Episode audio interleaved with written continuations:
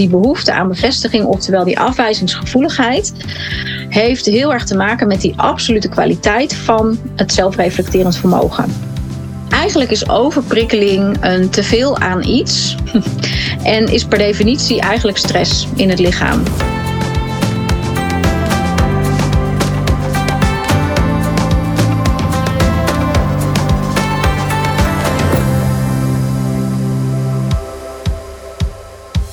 Welkom bij de Corine van Zoelen podcast. En vandaag aflevering 189. In deze podcast uh, hebben we eigenlijk een opname die ik heb gemaakt samen met Martine deze zomer. Martine was een van de experts die ik had uitgenodigd in de Nieuwe Wereld netwerkcommunity. Het was een workshop, een lezing over HSP. En het was eigenlijk zo interessant dat ik het idee kreeg om het in een podcast te doen. En in de community geef ik zelf coach calls, zijn er mastermind calls, waarin je in een klein groepje je vraag kunt voorleggen. Geef ik workshops en zijn er ook leden van de community die hun kennis delen. En vraag ik dus ook experts in hun vakgebied, waarvan ik echt denk dat is interessant voor de ondernemers die in de community zitten. Nou, Martine is dus zo'n expert. En bij mij zijn er heel veel kwartjes gevallen. En ook bij Nathalie, die aanwezig was.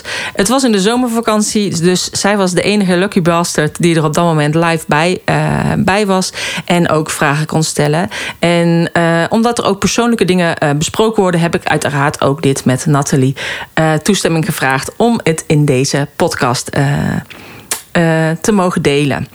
Uh, Martine is namelijk naast het feit dat zij opgeleid is als HSP-coach, hooggevoeligheidsdeskundige en werkt ook als UWV-werf fit coach. Met als expertise dus hooggevoeligheid. Uh, vooral is ze ook een ervaringsdeskundige. En dat laatste is in haar beleving eigenlijk absoluut noodzakelijk om HSP te kunnen begeleiden in hun ontdekkingsreis. Want dat is eigenlijk wat het is. Het is een hele mooie reis die vaak gepaard gaat met vallen en opstaan. En anders, uh, en iedere reis is dan ook daarom weer anders. Nou, als work- en life coach met als expertise HSP is het haar missie om mensen te faciliteren om te doen wat ze echt het liefste doen en om hun goud naar boven te halen, hun ware potentieel, zodat ze dat vervolgens ook daadwerkelijk kunnen gaan benutten. Want dan is de, wat is echt wat de wereld op dit moment nodig heeft. Ze wordt enorm blij om te zien wat er gebeurt als mensen helemaal loskomen van vaste patronen en van overtuigingen. En ze weet ook hoe lastig dat is om die stappen te durven zetten. En om die ontwikkeling aan te durven gaan. En dan te ervaren hoe enorm veel energie daarbij vrijkomt. In deze podcast vertelt ze meer over HSP en HSS. En wat het verschil is met de diagnose ADHD of eh, ADD.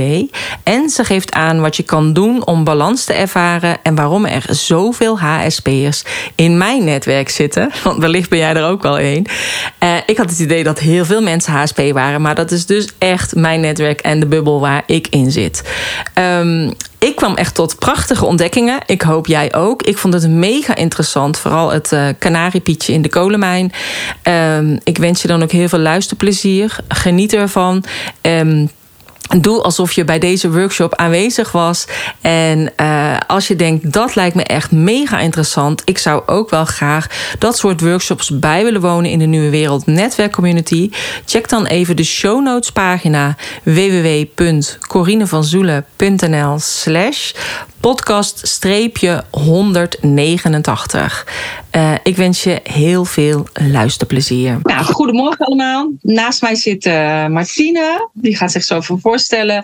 En die gaat iets vertellen over HSP.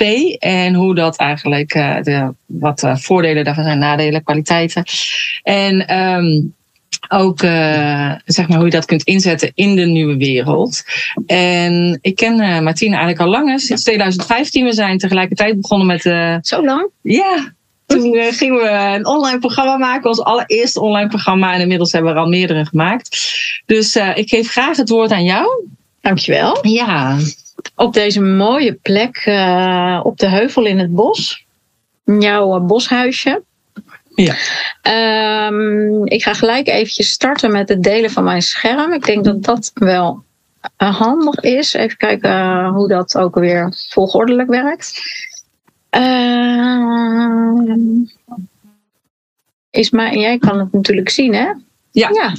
Nu is mijn scherm te zien. Oké, nou, dat gaat even makkelijk. En oh, je ziet nu alles, ja. En dan moet ik dus even hier op presenteren klikken. Voilà. Voilà. Oh ja, dat is goed. Zijn we.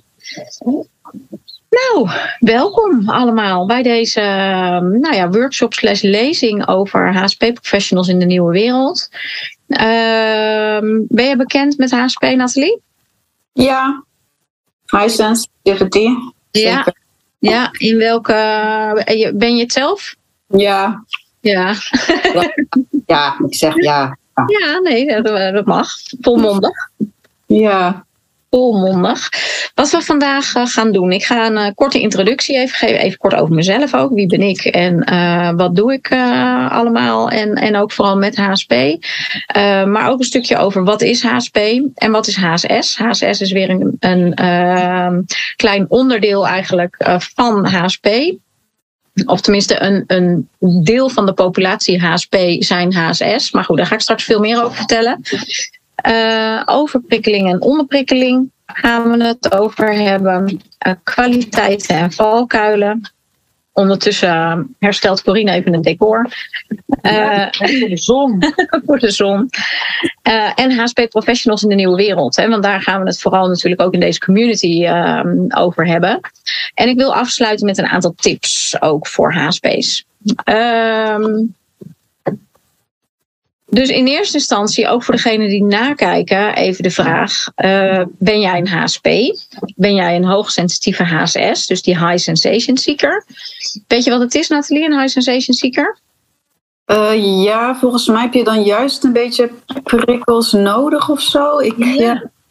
Ja, niet. dus het is uh, eigenlijk heb je behoefte aan prikkels uh, en behoefte aan me-time tegelijk. Dus eigenlijk hebben die het nog het meest zwaar van de HSP, uh, de, ja, van alle HSP's bij elkaar.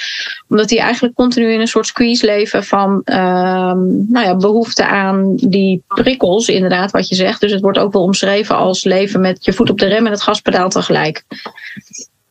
Ja. En de traditionele HSP uh, zeg ik altijd maar even zo, uh, die heeft van nature alweer meer die behoefte aan terugtrekken en downtime. Um, waardoor het voor die traditionele HSP iets van nature makkelijker kan zijn om die balans te houden. Maar balans is voor die high sensation seeker wel echt een dingetje.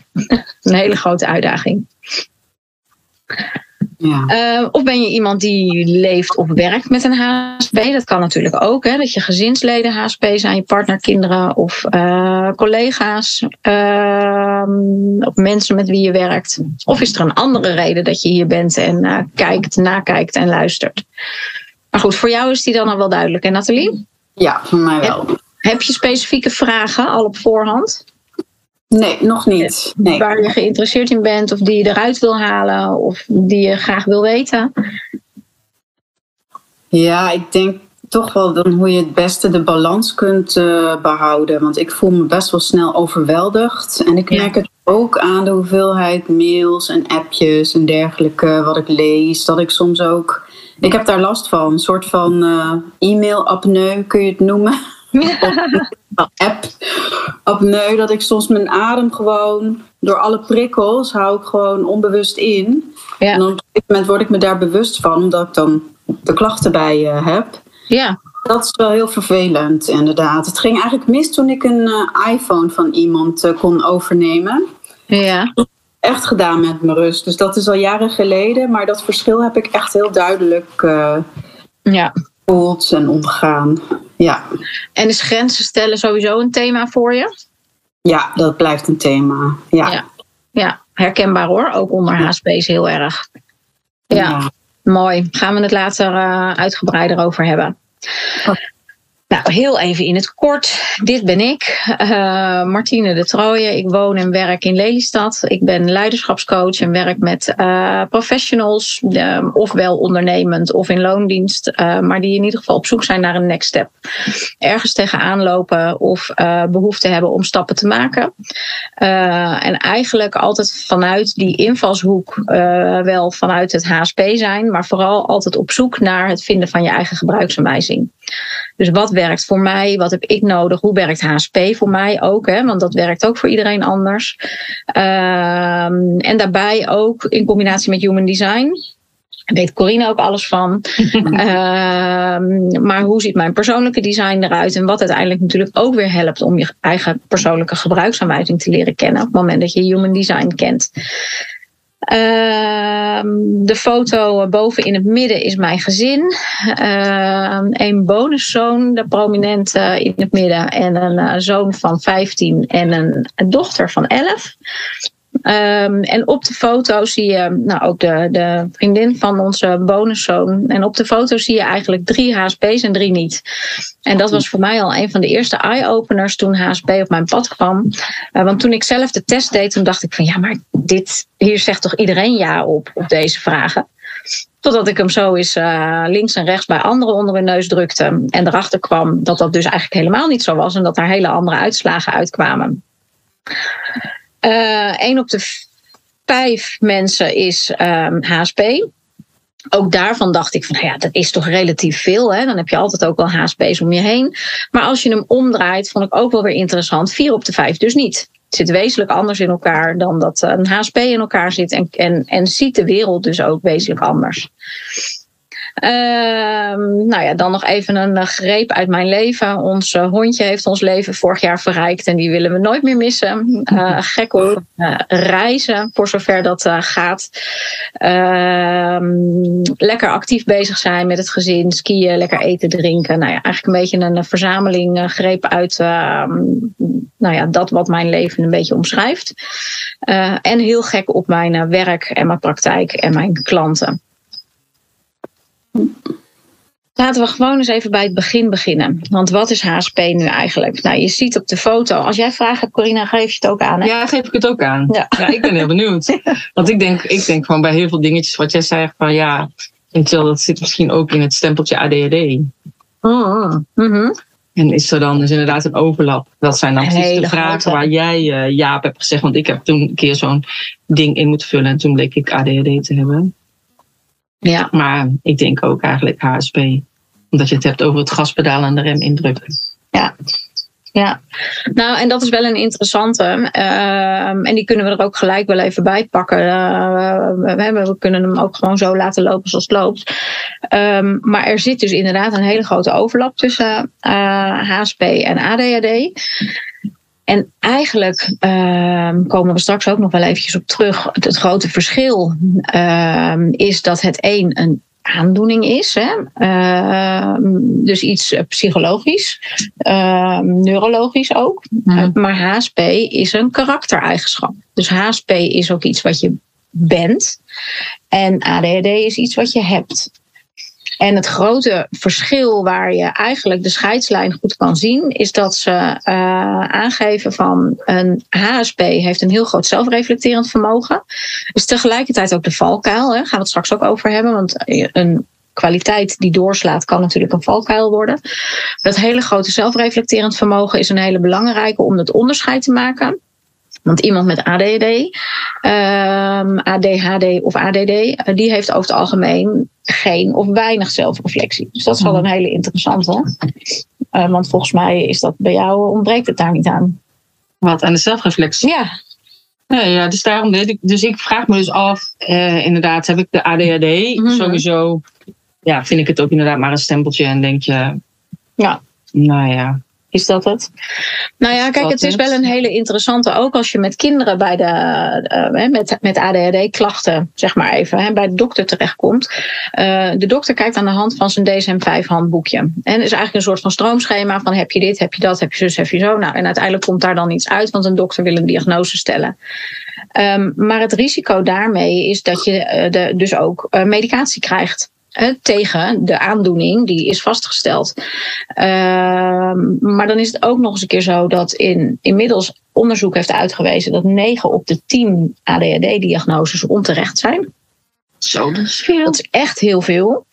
Uh, en daarbij in Amerika is gebleken dat uh, tieners, dus zeg maar van, van ja, ergens tussen de 15 en de 20, uh, die op een gegeven moment van Ritalin af proberen te komen, dat daar de, uh, het, het, zelfmoord, het, het cijfer voor zelfmoordpogingen enorm hoog is omdat die dus eigenlijk gewoon ook onterecht medicatie hebben gekregen. Van medicatie afkomen is natuurlijk weer heel erg lastig. Ja. Uh, en daarbij is het zo dat HSP's ook nog eens uh, extra gevoelig kunnen zijn voor medicatie. Dus het is wel heel belangrijk om ook aan de voordeur hè, voor jezelf te bepalen, de, in ieder geval de richting te bepalen van hebben we het hier over een aandoening of over een karaktereigenschap. Om te voorkomen dat er wel of geen onterechte medicatie gegeven gaat worden. Ja, begrijp ik, ja. Ja, want HSP kun je ook niet onderbrengen. Hè? Kun je niet, uh, het wordt niet gelabeld, laat ik het zo zeggen. Nee, nee. En, en feitelijk uh, erkent de medische wereld het ook niet. Omdat het dus niet in dat DSM-5 handboekje staat. Omdat het dus ook geen afwijking is. Het is een karaktereigenschap. Ja, maar kijk, ik heb toen, toen mijn zoon ooit uh, laten diagnosticeren, zeg Mhm. maar. En toen Mhm. dacht ik, ja, ook wel waar ik bij hem ja op zeg, kan ik bij mezelf ook ja zeggen. Bij, en ze waren natuurlijk toen helemaal aan het pushen ook voor de medicijnen. Ik wilde dat niet. Uiteindelijk na drie jaar dacht ik, nou laat ik dat toch maar doen. Want ik zag dat hij heel ongelukkig was op school omdat het dan niet lukte. Qua concentratie. Maar toen dacht ik, nou dan ga ik het zelf ook nemen. Want als ik het dan ook heb, ja, dan ga ik het ook nemen. Ik merkte echt totaal geen verschil. Ik kreeg alleen maar opvliegers en ik werd helemaal gek van die pillen. Dat ik ook echt dacht, joh, ik zet mijn auto hier tegen de bomen aan en iedereen zoekt het maar uit. Dus Ja, dat waren echt geen fijne gedachten. Nee. Dus uh, ik ben ermee gestopt. Toen, uh, maar toen dacht ik, van nou, ik kijk gewoon inderdaad aan hoe het met mijn zoon is. Ik weet wat het met mij doet. Dus mocht zijn als hij ergens last van heeft, kan ik het meteen herleiden. Uh, hij was eigenlijk helemaal blij, want hij had zijn werk af en uh, mocht een sticker uitzoeken en zo. Terwijl ik denk van ja, als je je werk niet af hebt, mag je eigenlijk ook een sticker, want dan heb je er ook heel hard nee, best ja, voor precies, gedaan. Ja, Maar dat is ook kom, hè? Dat. En, um, maar uh, later, toen werd, werd, kreeg hij er toch last van. Kreeg hij ook hoofdpijn, misselijk, griepverschijnselen. Um, terwijl er eigenlijk niks aan de hand was. En toen uh, kreeg hij ook zelfmoordneigingen, dat hij daarover sprak. Kun je nagaan. Toen ben ja. ik gestopt met de medicijnen. Ja. Um, maar dat je dan ook dacht, maar toen was hij al zo lang daaraan dat ik het eigenlijk uh, niet meer zo bovenop zat. Nee, en het ook niet gelijk zou linken misschien meer. Nee, precies. Ja. Maar nu wil hij eigenlijk helemaal niks meer. Geen enkel medicijn, ook geen paracetamol. Nee, heel goed. Ja. Dus uh, nou, dat is Liever prima, niet. want Ja. ik neem dat ook nooit. Maar in ieder geval. Ja. Um, ja, ja, ik heb het toen inderdaad wel gedaan door de, de druk van buitenaf en van school en dat soort dingetjes. Na een aantal jaar. Nou ja, en dat is natuurlijk een hele interessante. En ook wat HSP's natuurlijk uh, vandaag de dag ook in de maatschappij meekrijgen. Want ja, op het moment dat je niet past of anders bent of uh, het voor jou anders Ja. werkt, ja, dan heb je daar per definitie natuurlijk wel een zware dobber aan. Alleen de vraag is, wat is dan vervolgens de oplossing? Ja, en, en zit die inderdaad in het regulieren? Uh, ja, of in een ander schoolsysteem. Nou, daar hebben we die nieuwe wereld voor. Want bijvoorbeeld. Het oude systeem gaat toch weg. Het zal nog wel even tijd kosten, maar. Ja, maar goed, even weer terug ja, naar waar we vandaan kwamen. We Wat is HSP? Je ziet hier uh, een mooie afbeelding van uh, een stelletje hersens voor je. De linker en rechter hersenhelft. Uh, de rechter hersenhelft staat natuurlijk voor de creatieve kant. Hè, de kant waar we ook dingen onthouden op basis van gevoel, emotie, geuren, uh, kleuren, noem alles maar op.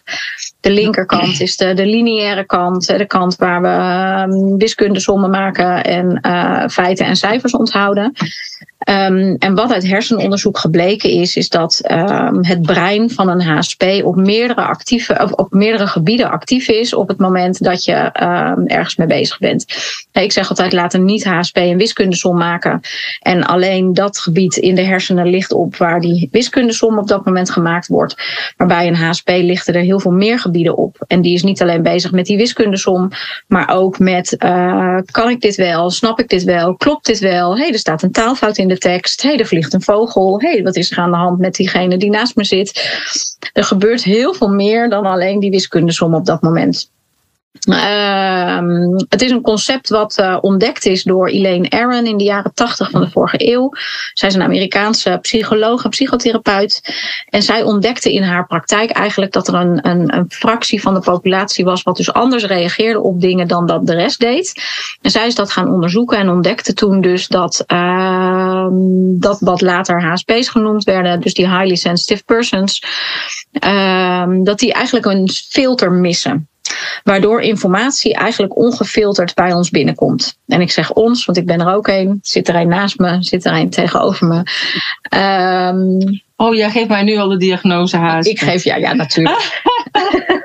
dat wisten we al lang. Ja, uh, nog over getwijfeld. Uh, nou, we, gaan er, we nemen hem mee. Uh, dus informatie komt ongefilterd binnen. Informatie die je nodig hebt en informatie die je niet nodig hebt. Dus er wordt ook, eh, je bent ook continu in je hoofd aan het schiften eigenlijk van moet ik hier iets mee of hoef ik hier niet iets mee. Bewust of onbewust. Want vaak gebeurt dat natuurlijk ook nog op onbewust niveau. Uh, we nemen dieper en intenser waar. En uh, kunnen dus ook gevoelig zijn voor de emoties van anderen. Dus het ook het aanvoelen van sferen. Uh, bij HSP hebben we het altijd over prikkels. Nou, wat zijn nou prikkels precies? Komen we straks ook nog eventjes op. Maar dat heeft natuurlijk te maken met alles wat er via je zintuigen binnenkomt aan informatie. Dus horen, proeven, voelen, zien, ruiken. Uh, maar ook echt wel dat voelen. Dat heeft uh, wel een bovengemiddelde uh, belangrijkheid eigenlijk ook in HSP. We kennen misschien allemaal die momenten wel dat je in een kamer binnenkomt lopen en dat je denkt, oh, ik denk dat ik hier even weg moet gaan, want ik geloof dat er net wat gebeurd is of gezegd is. Ja, dat is heel ontastbaar natuurlijk eigenlijk, heel ongrijpbaar. En voor niet-HSP's misschien ook niet te begrijpen.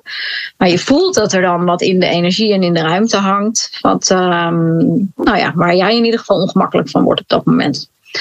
En dat deel, dat aspect, hè, dan hebben we het eigenlijk over dat zesde zintuig. Want alle informatie die via de zintuigen binnenkomen zijn prikkels. Maar dat zesde zintuig maakt vaak dat het wat. Uh, nou ja, dat er, dat er in de volksmond ook een beetje een zweem van zweverigheid omheen is gekomen. Van ja, want dat, dat is dat ontastbare, ongrijpbare deel. Maar eigenlijk is het uh, door heel veel wetenschappelijk onderzoek, gelukkig ook voor de hoofdmensen onder ons, vastgesteld dat HSP bestaat. En dat er niks zweverigs aan is. Uh, maar dat het dus feitelijk gewoon dat missen van dat zintuig is. Uh, dat missen van het filter, sorry, missen helemaal geen zintuig. Uh, ik heb ondertussen doorgeklikt naar een aantal icoontjes. Eigenlijk een soort van samenvatting om eventjes doorheen te lopen. Als je het hebt over wat is nou precies HSP. We hebben het dus over die 1 op de 5 mensen, mannen, vrouwen en kinderen. Uh, onder vrouwen en kinderen gelukkig al meer en meer uh, bekend, uh, ge, ge, gerespecteerd. hoe noem je dat? Veel minder een taboe erop. Bij mannen zit daar nog toch wat meer een taboe op. Heeft natuurlijk ook wel te maken met de manier waarop onze maatschappij is ingericht. Mm. jongens zijn stoer, mannen huilen niet en dat soort conditioneringen. Maar ook daar zit gelukkig meer en meer beweging in. En is denk ik de ehm, transformatie richting de nieuwe wereld ook wel een heel belangrijk onderdeel van. Um, het is niet alleen bij mensen, maar ook bij 100 plus dierzorg vastgesteld. Diezelfde verhouding van 1 op 5. Uh, ehm, meer dan gemiddeld gevoelige uh, dieren, dus in dit geval. Nou, je kunt je een kudde dieren voorstellen uh, die ergens staat te grazen. En een fractie van de kudde merkt op dat er gevaar dreigt en brengt de rest van de kudde in veiligheid. En dat is eigenlijk tegelijkertijd ook een bevestiging van uh, het idee wat er altijd al was, dat HSP ook een rol heeft in de evolutie en overleving. En uh, dat HSP's eigenlijk de voorloper zijn op het gebied van evolutie en overleving van een soort. Want dat wat in eerste instantie voor een HSP niet goed lijkt te zijn, blijkt vaak uiteindelijk voor de hele populatie niet goed of gezond te zijn. Nou ja, ik zal de details over de afgelopen twee jaar besparen. Maar even een wat algemener voorbeeld van bijvoorbeeld kantoortuinen van uh, een paar jaar geleden. In eerste instantie waren dat de HSP's die uitvielen in die kantoortuinen. Hè, door alle afleiding en niet kunnen concentreren, niet kunnen focussen, noem alles maar op. Inmiddels blijkt uit onderzoek dat 66% van de kantoorbevolking daar gewoon mm, significant minder functioneert.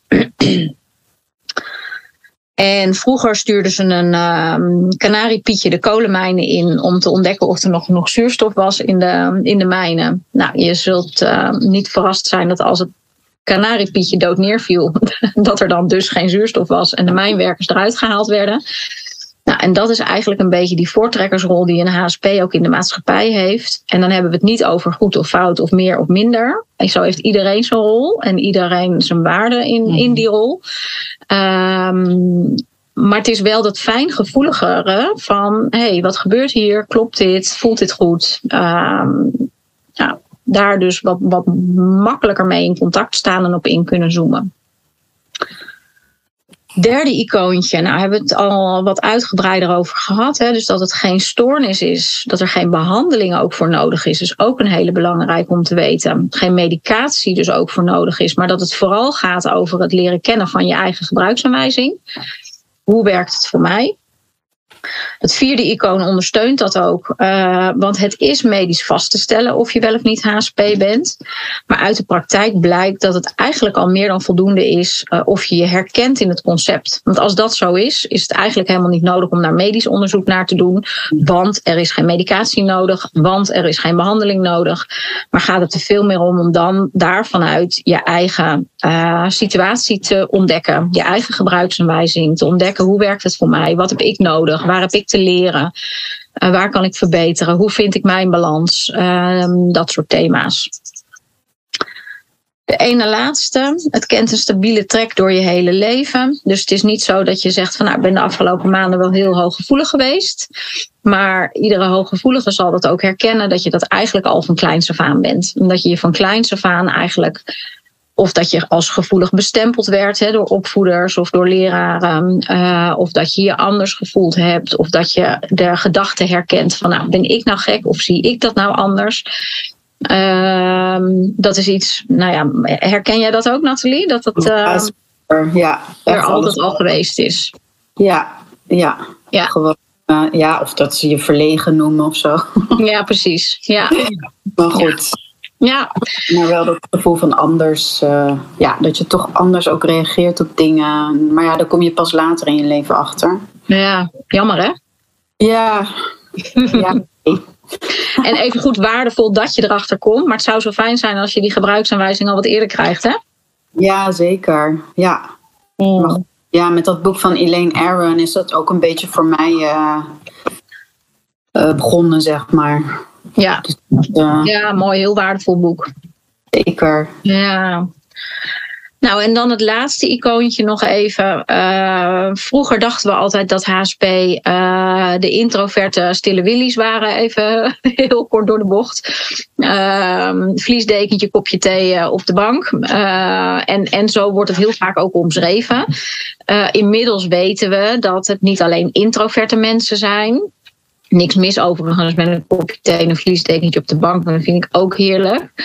Um, maar dat het dus niet alleen maar introverte mensen zijn, maar ook extraverte mensen kunnen zijn. En dat er dus een hele mix bestaat. We hadden het net al even over die high sensation seeker. Tussen uh, eh, HSP of HSS en introvert of extravert. Dus dat, dat, daar zijn allerlei varianten in mogelijk.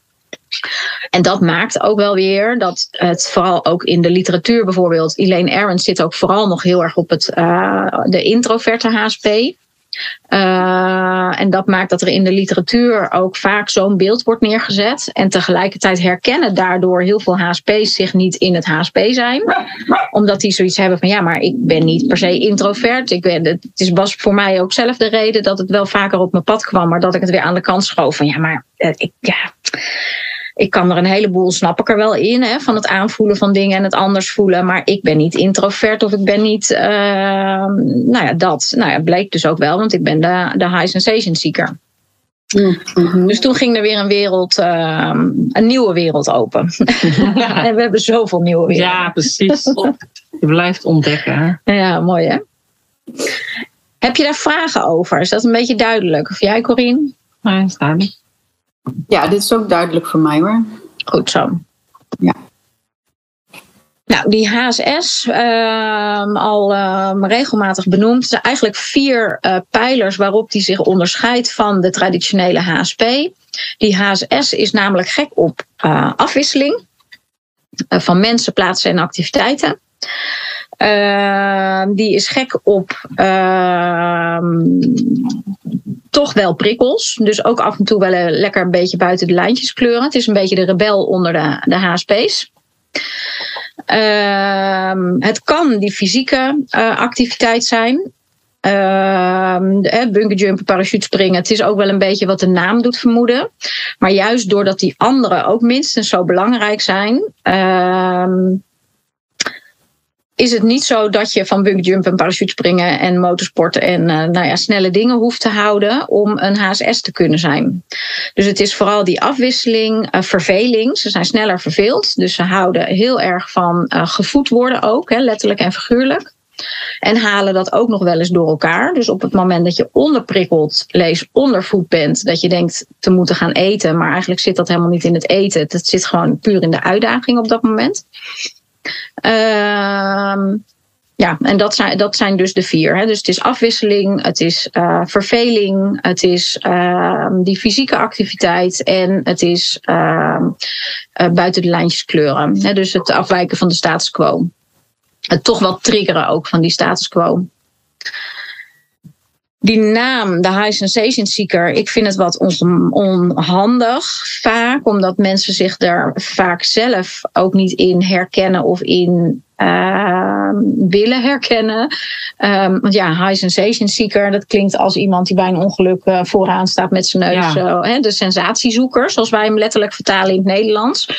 Um, maar sensatie gaat in deze vertaling natuurlijk puur over prikkels. En sensation in je lichaam, hè, dus die prikkels in je lichaam. Uh, die high sensation seeker is dus juist op zoek naar prikkels. En heeft dus daarnaast ook die traditionele HSP-eigenschappen van behoefte aan hersteltijd, uh, op zoek naar balans, et cetera. Dus dat eigenlijk voor wat betreft het onderscheid tussen die twee. En dan dus ook weer die overlap waar we het natuurlijk al even over hadden tussen ADHD en uh, de HSS vooral. Overprikkeling. Um, eigenlijk is overprikkeling een teveel aan iets. en is per definitie eigenlijk stress in het lichaam. En overprikkeling heeft dus te maken met dat er te veel prikkels binnenkomen. En die prikkels, zoals eerder gezegd, komen dus binnen via die zintuigen. Uh, juist doordat al die informatie ongefilterd binnenkomt, al die prikkels ongefilterd veel binnenkomen, kan het een hele uitdaging zijn om uh, die prikkels te reguleren, om dat ook te leren, want dat leren we ook niet in de maatschappij. De maatschappij is ook vooral ingericht op die 4 op de 5 en niet op die 1 op de 5. Um, dus echt wel een, een kluif en een uitdaging om daar als HSP mee om te gaan en daarin de, de, de route te vinden die voor jou werkt. Een hele belangrijke. Uh, burn-out kan in werk natuurlijk weer het gevolg zijn hè, van langdurige overprikkeling. We hebben ook allerlei fases van overprikkeling. Uh, oh, ik heb mijn boekje hier niet liggen. Maar in ieder geval, uh, we hebben kortdurende prikkels en we hebben langdurende prikkels. Als je het hebt over bepaalde projecten uh, als, als verhuizing of als uh, een zwangerschap. Of, dat, zijn, dat zijn eigenlijk langdurige projecten die kunnen leiden tot overprikkeling. in negatieve of positieve zin. maar we hebben natuurlijk ook de kortdurende prikkels als een feestje. Of kijk, mijn assistente die. Ik ga even je boekje halen. Heeft mijn boekje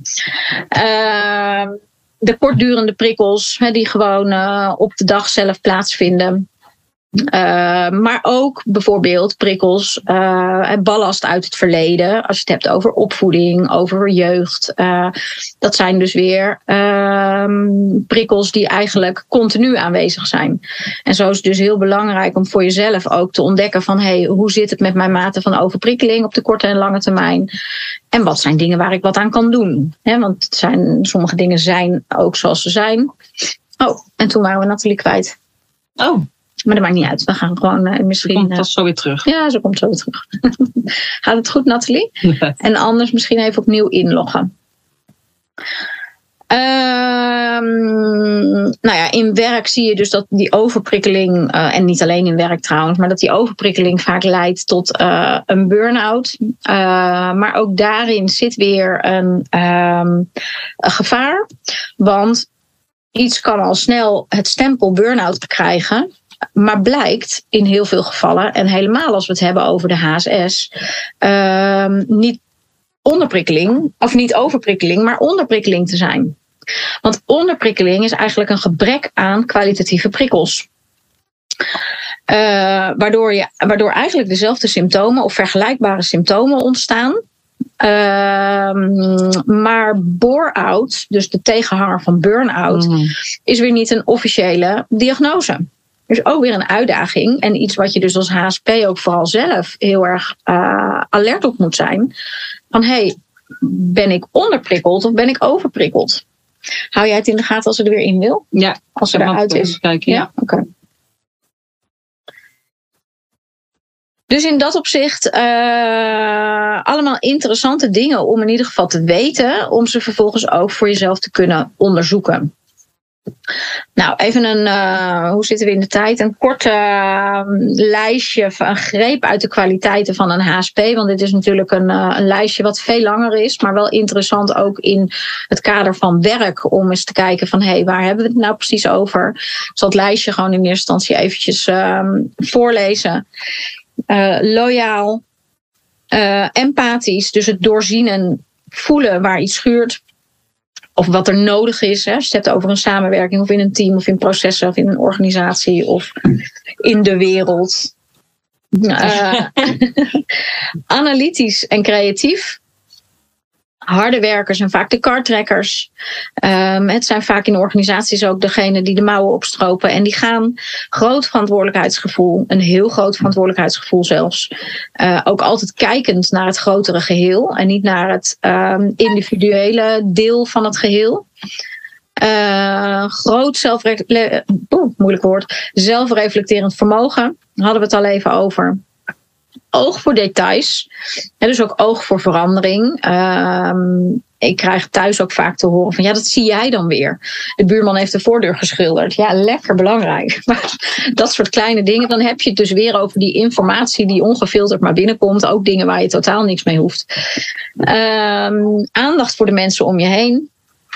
En aandacht in de zin van het empathische vermogen. Hè? Dus het kunnen meedenken, meevoelen en ook weten wat er nodig is, wat iemand nodig heeft. Voelt iemand zich wel eh, goed? Uh, gaat het oké met je? Uh, en flexibel in veranderende omstandigheden. Hoewel veranderende omstandigheden echt wel een trigger ook kunnen zijn voor overprikkeling, um, zijn het wel vaak de HSP's die daarin toch ook weer kunnen schakelen en zoiets hebben van nou, schouders eronder en dan gaan we er weer voor. Herken je deze kwaliteiten, Nathalie? Ja, ja ik, uh, mijn telefoon was net oververhit, dus ik was even weg. Ik weet niet of, het is op, of je het hebt opgemerkt, maar ik herken ja. deze kwaliteit in ieder geval wel. Ja. Goed zo. Ja. ja. we zagen al even dat je weg was, maar het is goed. Ja. ja. De valkuilen van een HSP. Uh, bescheiden. Perfectionistisch.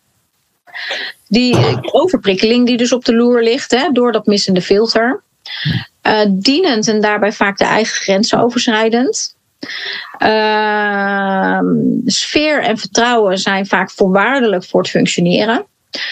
Um, en dat is ook vaak de reden dat je als HSP uh, het stempel uh, verlegen, hè, als kind vooral mee kan krijgen, verlegen of op je hoede. Juist omdat die basis, die, die basis van veiligheid en vertrouwen zo heel voorwaardelijk is voor het functioneren. Eigenlijk kun je haast zeggen, als die basis er niet is, is functioneren haast onmogelijk. Niet graag op de voorgrond, met als risico onzichtbaar. Hè, dus wat uh, heel belangrijk, hoe maak je je zichtbaar op een manier die bij jou past. En die behoefte aan bevestiging. Die behoefte aan bevestiging komt ook weer ergens uit voort. Uh, rejection sensitivity wordt het genoemd, ook in de literatuur over HSP. Dus die afwijzingsgevoeligheid. Ik denk dat iedere HSP die ook wel meer of in meer of mindere mate herkent. Uh, En dat vind ik altijd een hele interessante, ook in trajecten, uh, om die daaruit te lichten. Omdat dat een hele belangrijke is in mijn beleving om te snappen. En vooral te snappen waar die vandaan komt. Want die behoefte aan bevestiging, oftewel die afwijzingsgevoeligheid, heeft heel erg te maken met die absolute kwaliteit van het zelfreflecterend vermogen. Nou, en als je kijkt naar het model van uh, uh, kernkwadranten uh, en kijkt naar kwaliteiten en valkuilen, dan leert ons dat een kwaliteit kan doorslaan in een valkuil. Dus als je ergens heel erg goed in bent, kan je daar natuurlijk ook in doorslaan. Dus als je heel erg goed bent in opruimen, kan je ook doorslaan in nou ja, het perfectionisme en nou ja, noem alles maar op wat daarbij kan kijken komt kijken. Um, en dat geldt dus ook voor dat zelfreflecterend vermogen. Want in positieve zin ben je dus in staat om altijd als eerste naar jezelf te kijken. Um, um, wat had er beter gekund? Wat had ik anders kunnen doen? Ligt het aan mij? Wat, en ook in samenwerkingen. maar ook in de negatieve zin altijd als eerste naar jezelf kijken. Van zie je wel, dat komt door mij. Of zie je wel, ik heb het gedaan. Of zie je wel. Dus ook dat negatieve stemmetje. En op het moment dat je die twee dus begrijpt, hè, waar die afwijzingsgevoeligheid vandaan komt en dat dat dus eigenlijk een hele belangrijke kwaliteit is, um, ja, zie je eigenlijk gebeuren dat er vaak wel een bepaalde last van mensen afvalt. Van oh, oké, ja, nou, daar, daar, ja, hè, alleen al dat weten helpt heel erg in het in balans brengen daarvan. Herken je die ook? Nou, ik vind dit eigenlijk best wel een eye-opener, want ik dacht dat dat altijd gewoon mijn persoonlijkheid was. Mm. ja, dat is het natuurlijk ook, maar ja. dat dat niet zozeer toe te schrijven was aan HSP, maar ook gewoon dat onzichtbare, liever onzichtbaar willen zijn en op de achtergrond en uh, ja, behoefte aan bevestiging, die ja. Nou, Heel erg HSP. Allemaal. Ja. Ja, mooi. Ja, ik, dacht dan, ik denk dan toch ook dat heel veel mensen hebben dit dan toch? Ja, 1 op de 5. Ja, maar. Ik herken het ook wel hoor. Maar ik denk van ja, maar heel veel mensen hebben dat toch. Ik bedoel, als ik, nou ja, misschien dan niet. Maar ik wou zeggen, als ik de mensen kijk die ik begeleid, die heb, worstelen hier allemaal mee. Maar misschien zijn die inderdaad allemaal HSP, want daarom zijn ze natuurlijk yogadocent geworden. Of zijn ze richting uh, natuurgeneeskunde, shamanisme, masseuse, bla bla bla. Ik denk dat je je inderdaad kunt afvragen van. Uh, zit in de HSP-bubbel. Jij zit in de HSP-bubbel, ja, dat geloof ik ook. Ja, kijk, als je naar uh, de corporate kantoorwereld gaat, uh, wat, wat, wat een complete andere hoek is dan jouw bubbel. Ja, ik denk dat daar het gemiddelde lager ligt. Ja. Uh, en dat de HSP's die daar wel zitten, dat die het daar extra zwaar hebben. Want die hebben daar helemaal zoiets van, nou ben ik nou gek? Of, uh, ja, maar ja, uiteindelijk gaan die er allemaal uit. Zeg maar. Als ik, ik heb zelf ook op kantoor gezeten. Maar ja. de meeste die ik inderdaad begeleid, hebben eerst een baan gehad. Ja. En, wat en totaal niet werkte, burn-out. En inderdaad dan gingen doen waar ze echt blij van werden. En uh, dus daarbij hè, zie ik ook al inderdaad dat je over je eigen grenzen heen gaat. Uh, behoefte van bevestiging, maar ook dat, dat het, uh, het vertrouwen in jou belangrijk moet zijn en de sfeer. Ja. Ik heb zelf ook wel eens op kantoor gezeten dat ik dacht, ik word helemaal gek hier. Ja, de sfeer. En ja. daar word je ook echt super verdrietig van gewoon. Als je dan, dan moet je daar dus acht uur op een dag, dat is lang. Ja, dat is heel lang. Dan zie je collega's meer dan, uh, dan je partner. Ja. Ja. Dus, maar ja, ik, omdat ik dus inderdaad iedereen begeleid hierin heb, denk ik dat heeft iedereen, maar dat is dus niet zo. Nou ja, en dat is dus ook ja, het mooie van dat besef, hè, van, van uh, waar ik ook mee begon, van ja, 1 op de 5 denk je, nou, dat, dat is toch op zich redelijk veel, ja. maar andere kant, hè, 4 op de 5 niet. Als je inderdaad kijkt, dan denk ik dat jij ook in jouw omgeving meer dan gemiddeld uh, HSP's om je heen hebt. Uh, de zorg bijvoorbeeld, ik denk dat daar ook meer dan gemiddeld HSP's ja, zitten. Omdat het ook heel, ja, heel erg dat dienende, ik, secretaresses. Hè. Ik ben zelf 15 jaar lang PA geweest in het bedrijfsleven. Ik denk dat dat vaak ook types zijn die, die gewoon heel dienend zijn, die ergens aan willen bijdragen, die van betekenis willen zijn. Hè. Dat is er ook één, van betekenis willen zijn. Uh, dus ik denk dat je in bepaalde beroepsgroepen uh, meer dan gemiddeld HSP uh, hebt. En ja, ik denk dat als jij inderdaad in de corporate wereld zo'n presentatie houdt, dat, dat er een groot deel je zit aan te kijken van waar gaat het over. Hmm, bijzonder. Ja. Leuk hè? Ja. Och, we kunnen er uren over hebben. Ja, en dan die HSP's in de nieuwe wereld. Eigenlijk is het een heel mooi bruggetje naar waar we dus nu al over in, uh, in gesprek raken. Uh, ik geloof dus ook dat het vooral in eerste instantie de HSP's zijn die de afgelopen twee jaar ook gevoeld hebben van. Hmm, hier klopt iets niet. Wat gebeurt hier? Ja, nou dat denk ik ook. Want die mensen heb ik natuurlijk ook allemaal om me heen. Uh, die denken, oké, okay, er klopt hier iets niet. Uh, ja, inderdaad, de kanarie die vooruit vliegt en dan nog mm-hmm. gek verklaard worden. Ja. Maar die nu wel, dat steeds meer mensen nu wel gaan zien ook van er klopt inderdaad iets niet. Maar ik had laatst ook weer iemand en die was hier op visite en die zegt van ja, maar vertel dan eens, hoe zit het dan? Maar ik kan het niet ja, ik kan er uren over lullen natuurlijk, maar ik kan niet heel kort zeggen, want ik vind alles belangrijk. En dan denk ik van ja, ik heb er al die jaren over gedaan om dat helemaal langzaam tot me te laten komen. Ik kan niet in één keer vertellen wat het allemaal, waarom het is. Nee, nou ja, kijk, een korte samenvatting denk ik dat, ik bedoel, daar, daar is ook een boek over geschreven van Klaus Schwab en hoe die het allemaal voor zich ja. ziet. En dat, het, dat, ja, dat, dat er gewoon heel duidelijk een, een agenda wordt uitgerold. Maar ik denk ook dat het vooral voor HSP's in deze wereld belangrijk is. Uh, om daarin bij zichzelf te durven blijven, zich daarin uit te durven ja. spreken, zich niet uh, voor gek te laten verklaren. Want eigenlijk zijn we dat ons hele leven al. Van ben je, jij bent gek, jij bent anders, jij bent raar, jij bent uh, even. Ja, een beetje het zwarte schaap van de familie. Ja, maar ik denk dat als je het dan hebt over die kanariepiet, dat die nu wel echt een hele belangrijke rol heeft. Om daarin ook uiteindelijk, hè, als je het dan hebt over wat in eerste instantie voor de HSP niet goed lijkt te zijn, blijkt uiteindelijk voor de hele populatie niet goed te zijn. Ja, ik denk dat daar dit wel echt het schoolvoorbeeld van is. Ja. En echt, echt in praktijk nu uh, ontstaat, ja, waar denk ik, uh, HSP's ook voor hier gekomen zijn. Even heel groots gezegd. Ja, maar dat denk ik ook. Weet je Overleving van een soort wordt hier natuurlijk wel heel letterlijk. hmm. Hoe zie jij dat, Nathalie? Ja, ik ben het daar helemaal mee eens. Ik bedoel, ja, alles wat jij hebt ontdekt en geleerd de afgelopen jaren, dat kun je ook inderdaad niet even zo vertellen. Dat merk ik zelf ook bij mezelf. Van, ja. Ja, het is gewoon te veel. En mensen moeten dat ook zelf ontdekken. Het is een dat is het ook, hè? Ja. En, uh, ja, je ziet het toch pas als je eraan toe bent. Ja, ja het is een ja. eigen proces. Ja, en ik denk als ziel heb je er al voor gekozen, hè, of je het ziet of niet ziet. Ja, dat geloof ik ook wel. En uh, eerst wilde ik inderdaad ook iedereen overtuigen. En nu denk ik, ja, het heeft gewoon geen, geen zin. Ik vind het wel heel fijn om te zien dat steeds meer mensen het zien. Ja. En, uh, en of ze dan inderdaad bij hun standpunt blijven. Hè, als ze dadelijk weer dingetjes doorgevoerd ja. worden. Ja, dat is natuurlijk nog de vraag. Ja, ja klopt. Maar ja, ik vind het wel fijn dat de groep steeds groter wordt.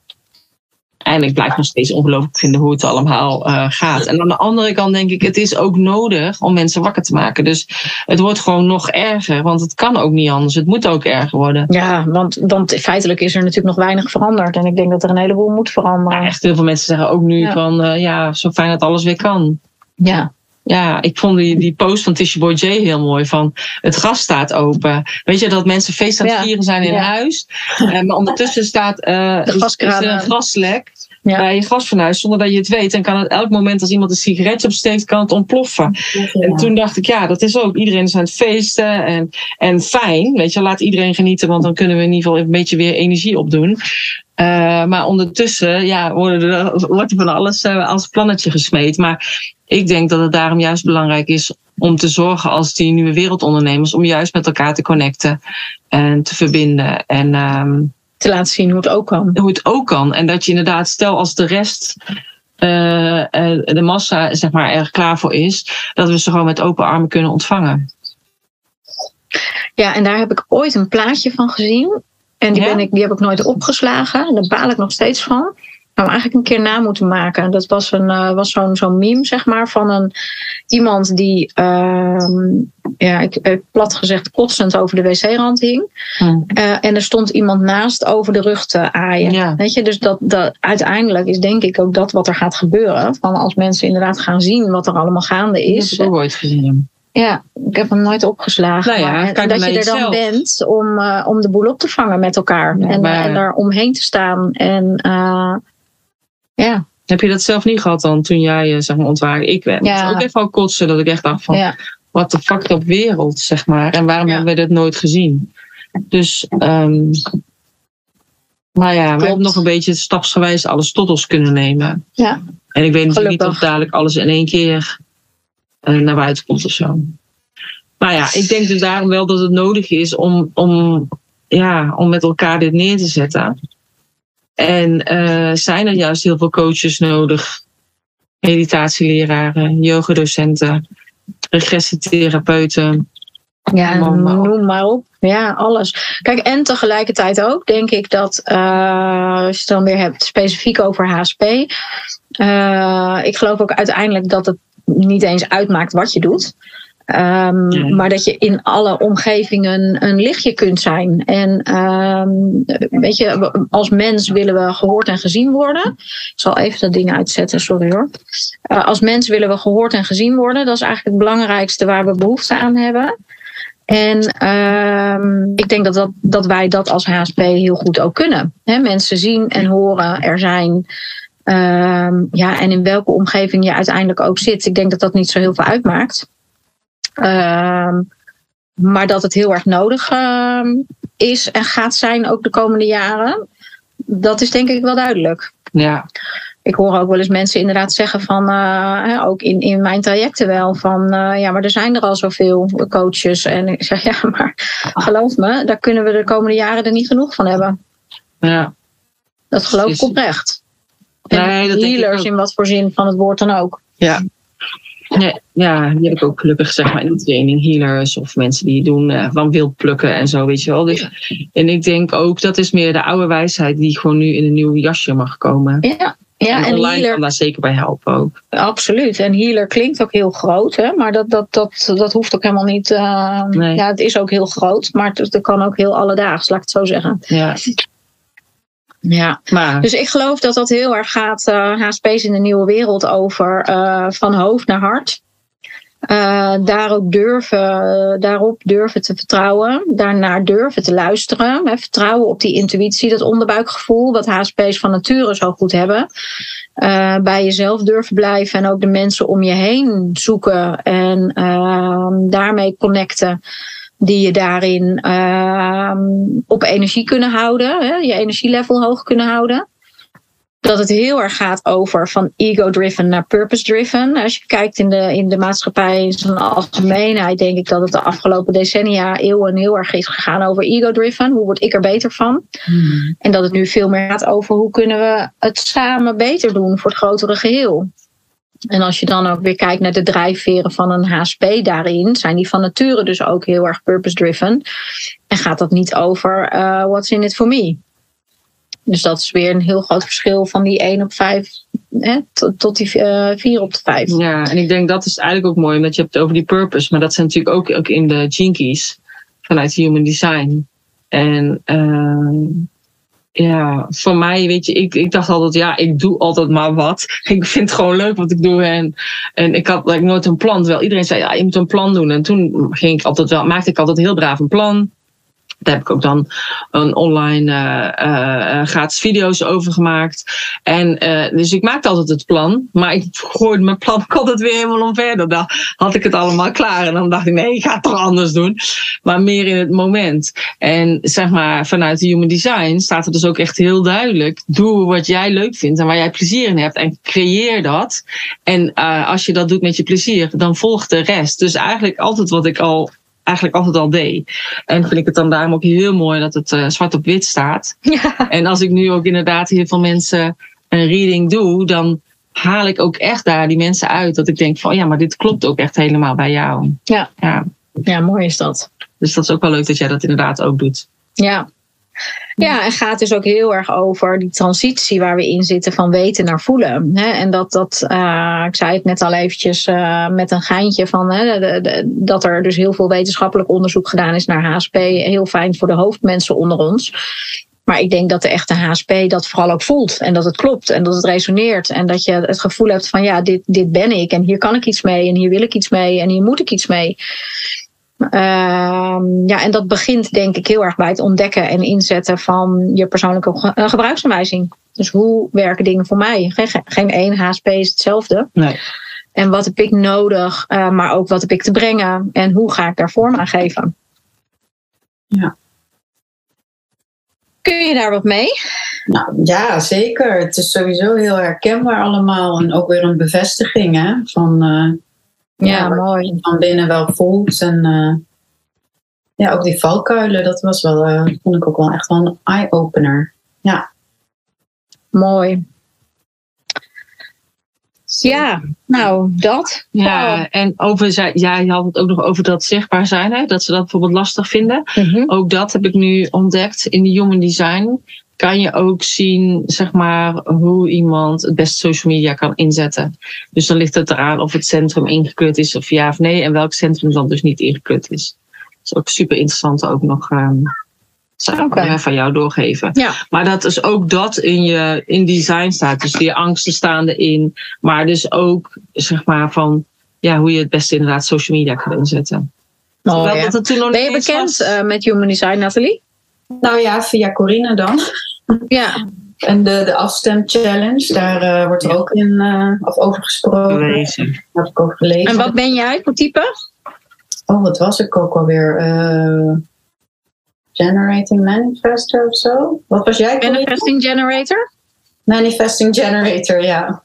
Ja, Die. mooi. Ja. Ja, dus dan ben jij ook wel heel erg van het, vooral het volgen van je eigen flow. Doen waar jij blij ja, van wordt. denk ik. ik probeer het, mijn eigen flow te volgen, maar ik merk dat ik ook nog best wel in mijn hoofd zit en hele verhalen afspeel en filmscenario's. En, uh, ja, waardoor je dan toch een beetje in je angst blijft hangen. En daar loop ik ook wel erg elke keer tegenaan, merk ik. Maar ja, ik zal er toch doorheen moeten. Ja. Ja, nou ja, kijk, en hoe het voor jou werkt vanuit, je, vanuit Human Design is natuurlijk wat anders dan hoe het zich momenteel manifesteert. Hè? Dus da daar, ze Ja. zeggen ook op het moment dat je met Human Design aan de gang gaat, duurt het zeven jaar voordat je ontwikkeld hebt wat je allemaal aan conditionering hebt opgebouwd. Ah, Dus dat wil ook niet zeggen dat het al op die manier voor je werkt.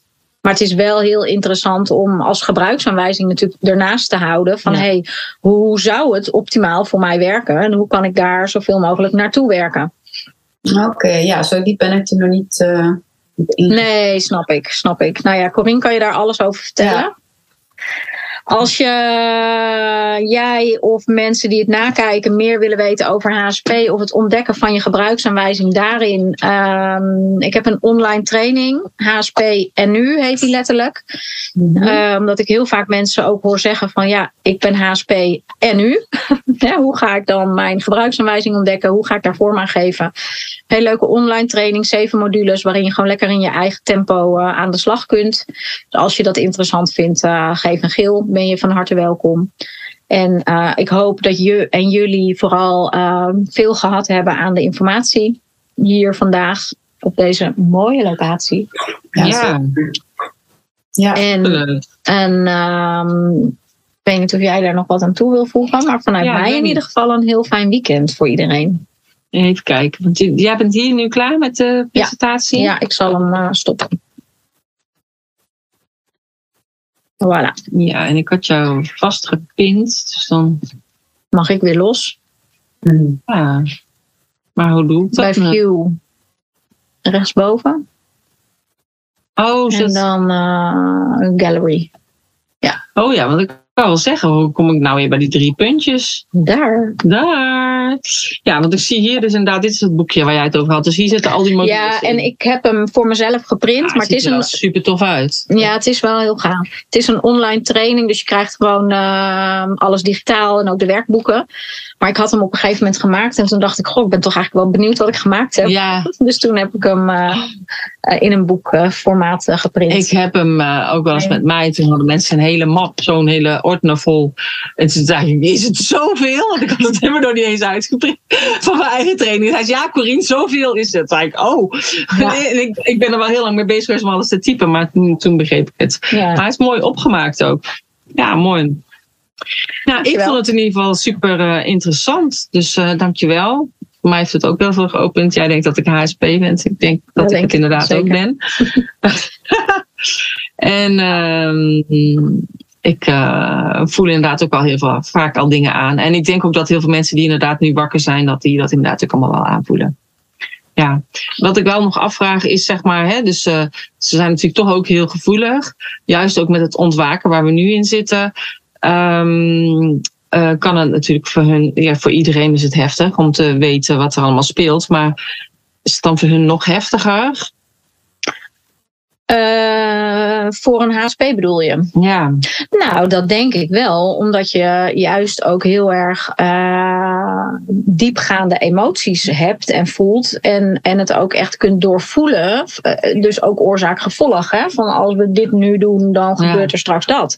En er zijn denk ik heel veel mensen die, die daar helemaal niet eens overheen kijken. Die zoiets hebben van ja, ik wil nu naar een restaurant en ik wil nu op vakantie. Ja, ja en wat dat voor mijn kinderen betekent over 20, 30 jaar, dat. Uh, denken daar überhaupt niet eens over na. Nee, dat is eigenlijk het eerste wat in me opkwam. Dat ik dacht van ja, daarvoor, daarvoor doe je het gewoon, weet je wel. Ja. Voor je ja. kleinkinderen ook, die er nog niet eens zijn. Maar dit is niet wat je wil. Nalaten. Ja, Nee, ja. Dus ik denk dat dat ook wel, doordat het zo intens binnenkomt, ook wel extra heftig kan zijn. En ik denk dat daar ook weer de combi ligt met uh, trauma. Uh, in welke mate je ook in staat bent om je daarin uh, Ja. uit te spreken, uit te durven spreken, bij jezelf te blijven. Kijk, het makkelijkste is natuurlijk om gewoon mee te gaan met de massa. Ik bedoel, dat, dat, dat is natuurlijk helder. Zonder daar ook, hè, zonder oordeel. Er zit geen goed of fout bij, want daar kunnen een heleboel onderliggende redenen ook weer voor zijn, redenen voor zijn.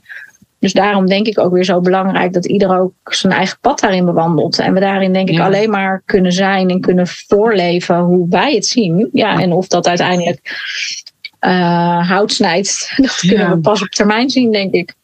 Nou ja, ik denk als, je, als ik inderdaad meer voor mezelf spreek, heb ik altijd wel al gevoeld dat ik anders was. Was ik altijd super verlegen, durfde ik helemaal niks.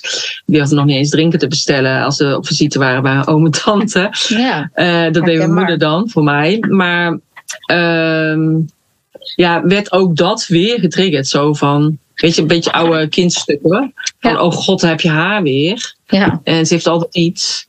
En, ehm, en ik denk juist daarom ben je nog weer met jezelf aan de slag gegaan. En dat oude stuk weer aangepakt. En waar we nu in zitten.